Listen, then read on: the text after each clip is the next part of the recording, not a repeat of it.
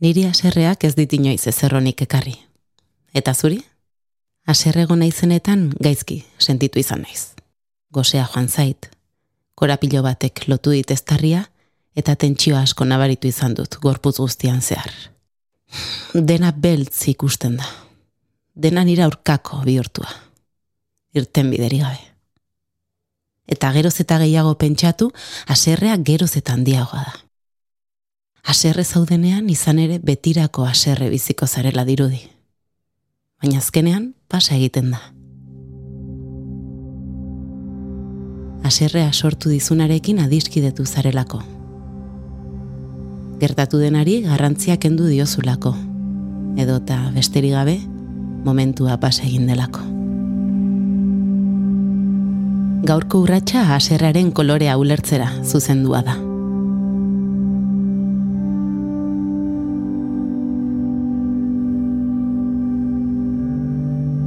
Naomi Mendizabal naiz eta elkarrekin emango dugu gaurko urratsa.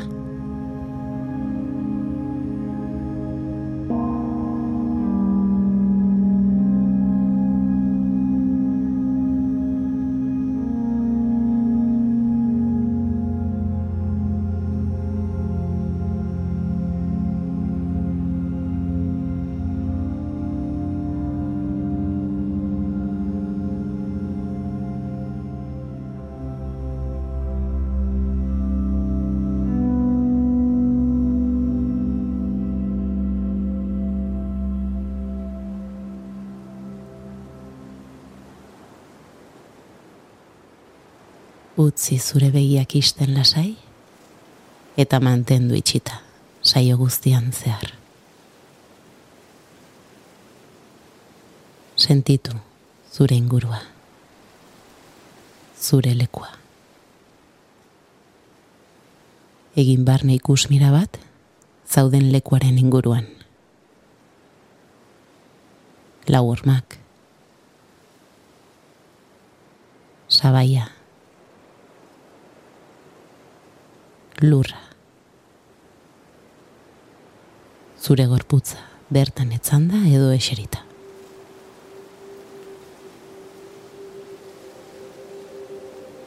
Sentitu postura eroso batean zaudela. Egin behar dituzun mugimendu guztiak eroso egoteko. Zure lekua topatzeko.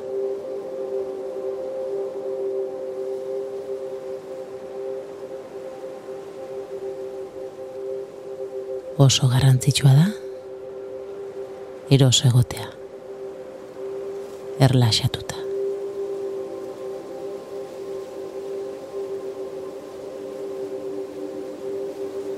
Mugitzen baldin bazabiltza saioan zehar lortu duzun erlaxazio egoera etengo duzu. Beraz hartu denbora bat zure gorputza eroso eta lasai sentitzeko hasi zure arnasketari atentzioa eskaintzen. Sentitu zure gorputzak nola hartzen duen arnas. Jarri zure esku bat sabelean eta imaginatu zure sabela puxika bat dela. Sentitu nola puzten den. Sentitu nola usten den.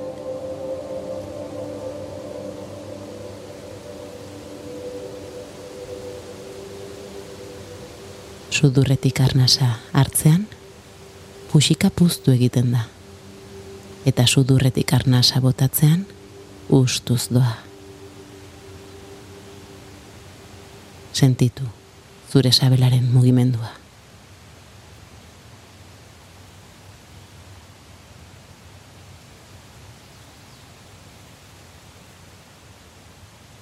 lasaitu zure arnasketa eta utzi zure gorputza erlaxatzen. Hartu arnasa eta imaginatu nola betetzen den pusika. Bot arnasa eta utzi pusika guzti usten.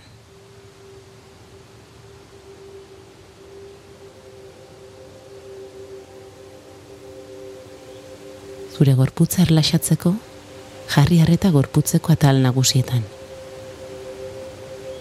Sentitu, oinak, zangoak, aldakak, bizkar osoa, sabela, bularra, besoak, eskuak, eskutako hatz bakoitza. Sorbaldak. Lepoa. Burua eta aurpegia.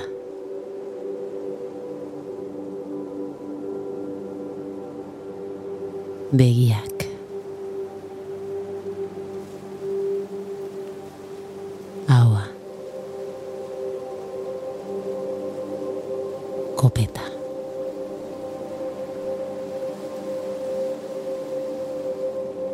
Sentitu zure gorputz osoa eta errepikatu beharrain bat aldiz. Errepaso osoa. Gorputz osoko errepasoa. Oinetatik burura eta burutik oinetara.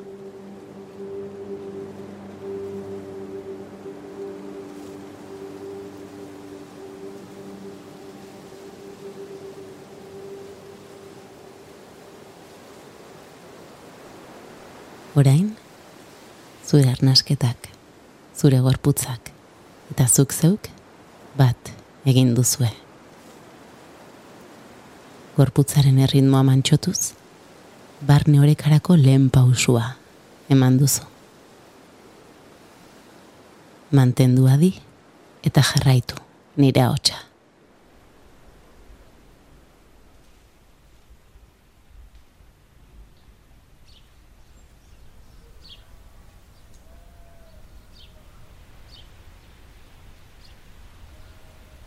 Imaginatu odei bat zure barruan.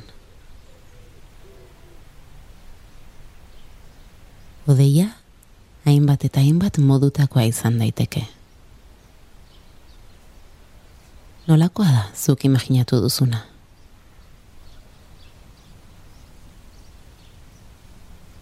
Ez esan altuan. Esan zure barrenerako.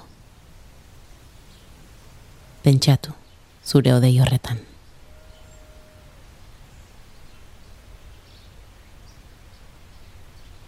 Orain, utzi zure odei alde batera eta etorri nirekin bidaiatzera.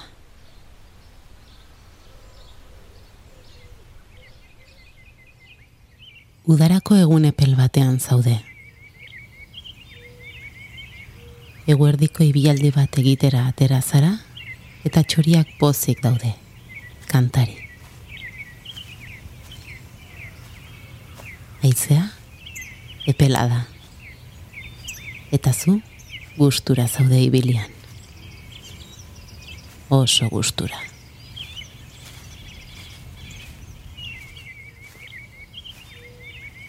Zeruan, odei pare bat atera dira. Baina udako egun eguzkitzu bat izaten jarraitzen du. Piskanaka, zerua odeiez betetzen hasi da.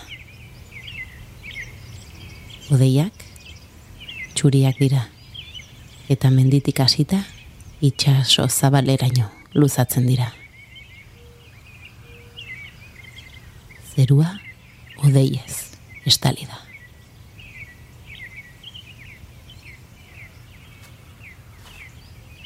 Banku batean eseri, eta hauei begira gelditu zara.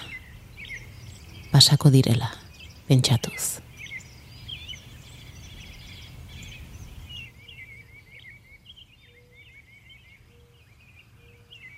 Baina ez da ala izan. Jada ez duzu zer urdinik ikusten. Jada ez da eguzki izpirik zure azalera iristen. Begiratzen duzun lekura begiratzen duzula ere, dena txuria da. Dena estalia dago.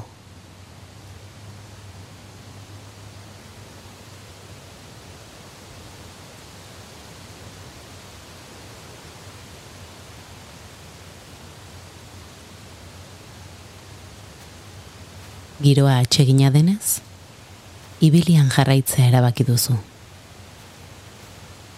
Itxasaldera begiratu duzunean ordea, odei grisak datu zela antzeman duzu.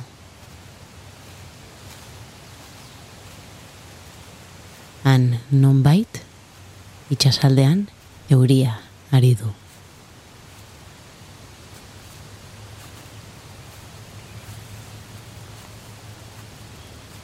baina ez da nigana iritsiko. Pentsatu duzu, pausoak ematen jarraituz. Handik gutxira ordea lehen tantak busti zaitu. Lehen tanta honekin zure barruan zerbait piztu da. Pausua azkartzen hasi zara, aterpe baten bila. Baina ez da bat bera ere inguruan.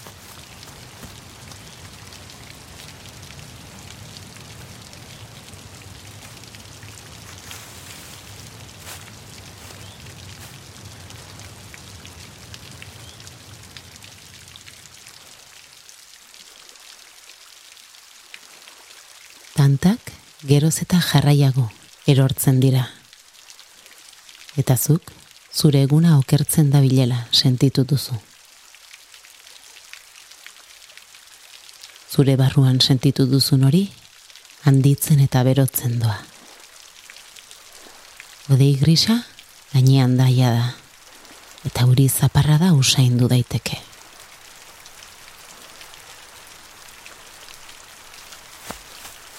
Korrik hasi zara aterpe baten bila eta marmarka ikusi duzu zure burua. Eguraldi eskasa. Euri madarikatua. Hotza. Gustia.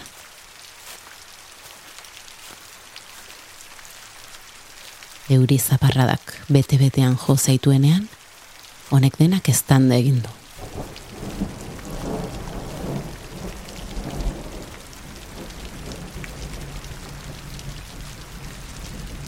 Gelditu eta dena pikutara bidali duzu.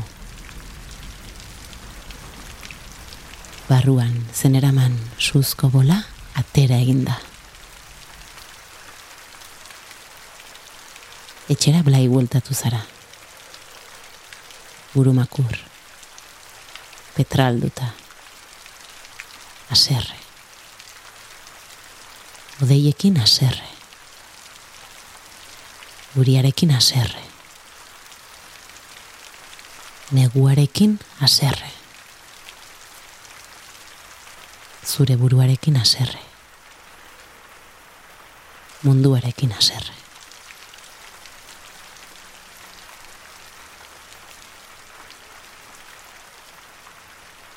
Aserraldi honetan zinen bitartean, izugarrizko ostadarra atera da itxasaldean.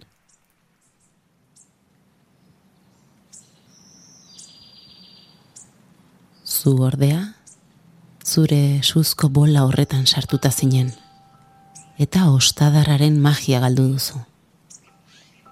Odeien desagertzea eta zer urdina galdu dituzu. Zure bolan sartu zara, eta han erretzen, gelditu zara.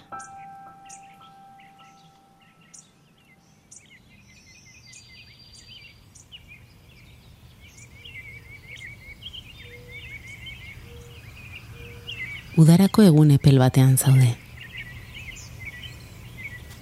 Eguerdiko ibilaldi bat egitera atera zara eta txoriak pozik daude, kantari.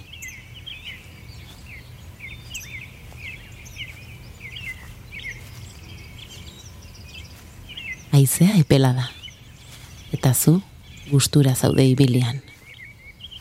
Oso gustura. Zeruan, hodei pare bat atera dira, baina udako egun eguzkitsu bat izaten jarraitzen du.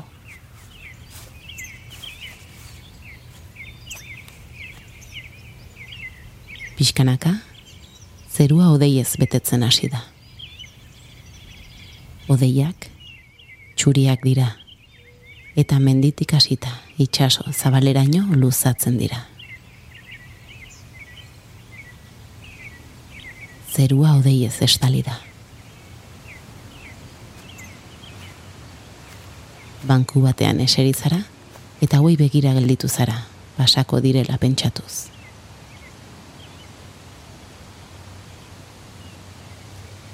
Baina ez da ala izan.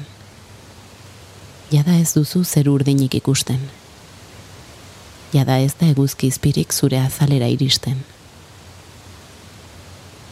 Begiratzen duzun lekura begiratzen duzula ere, dena txuria da. Dena estalia dago. giroa atsegina denez, ibilian jarraitzea erabaki duzu.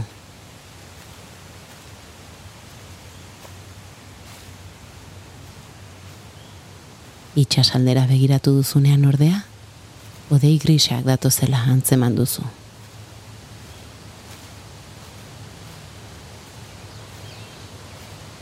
Han, nonbait, itxasaldean, euria ari du.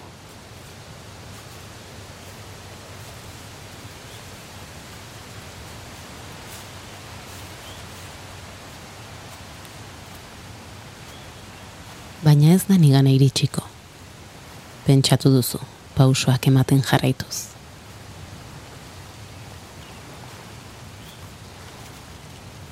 Handik gutxira ordea, lehen tantak guzti zaitu.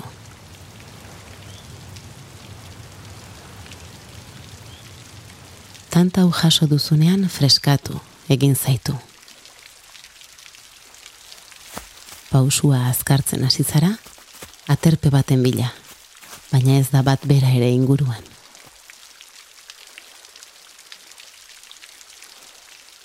Tantak, geroz eta jarraiago erortzen dira, eta zuri bost axola dizu.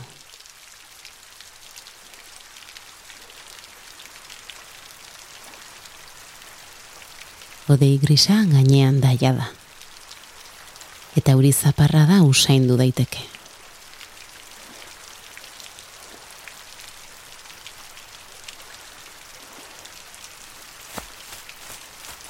korrik hasi zara, aterpe baten bila. Eta irribare bat antzeman duzu, zura aurpegian. Duriaren usaina, giro epela, bustia,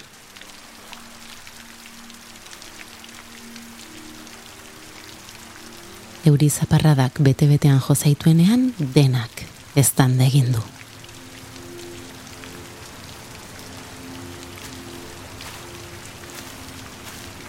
gelditu eta uriaz gozatu duzu zure gorputzean. Blai, oinez jarraitu duzu. Irribarretxu, alai, kantari. Ibilian zindua zen bitartean, izugarrizko ostadarra atera da itxasaldetik.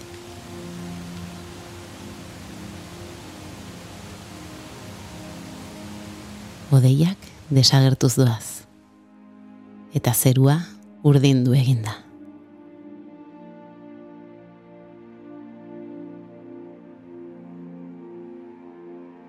Odeiak beti dira txuriak, itzala jasaten duten arte. Aserrea gure bizitzari atxikitzen zaio, pizte arabekitzen dugun arte. Egazkinean goazenean, odeiak beti ikusten ditugu txuriak. Izan ere iristen zaien eguzkiaren argia, zuzen abai da. Ez dago itzalik bertan.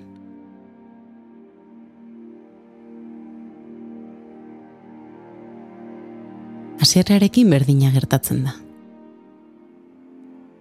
Kontrola askatzen badugu eta gure bizitzan gauzak nahi ez bezala atera daitezkela onartzen badugu, aserrari argia ematen diogu. Aserretu gaitezke, bai, baina itzalik sortu gabe. gure barruko odeia ilundu gabe. Suzko bola piztu gabe. Bestalde, guztia kontrolatuta eta nahi dugun modura izatera lotzen bagara, itzala ematen hasten gara gure aserreari. Aserre egoteko eskubidea indartzen dugu. Eta barruko odeia iluntzen zaigu. Suzko bola puztuz.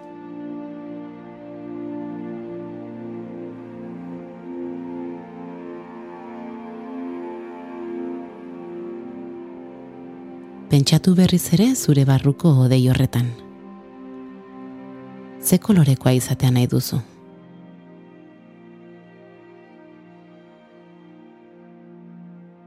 Gorde zure odeiaren kolorea zure barruan. Eta jakin, suzko bola berotzen hasten zaizun momentuan, zure barruko odeia iluntzen hasten dela.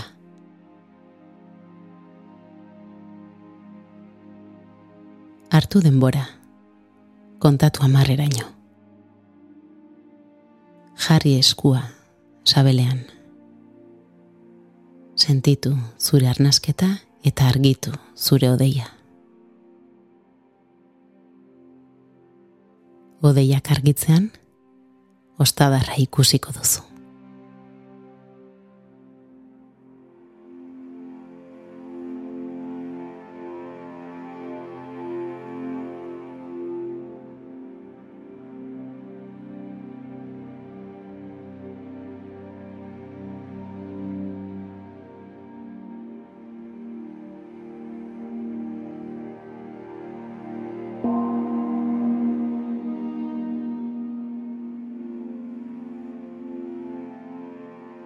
Naomi Mendizabal naiz eta urratsa da. Ulu Mediak EITB podcastentzat ekoitzitako saioa. Astero astero urrats bat emanoi dugu elkarrekin. Urrats bat bizi gaitu enpresa albo batera uzteko. Urrats bat gure barrenera. Gustatu baldin bazaizu arpidetu zure audio plataforman edo jarraitu gaitzazu Twitter eta Instagramen. Lehenaldia baduzu gogoratu saio gehiago dituzula eskuragarri.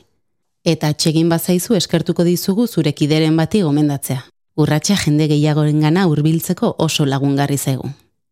Besterik ez, zain duzu eta zure ingurukoak. Ei, txt, entzun hori.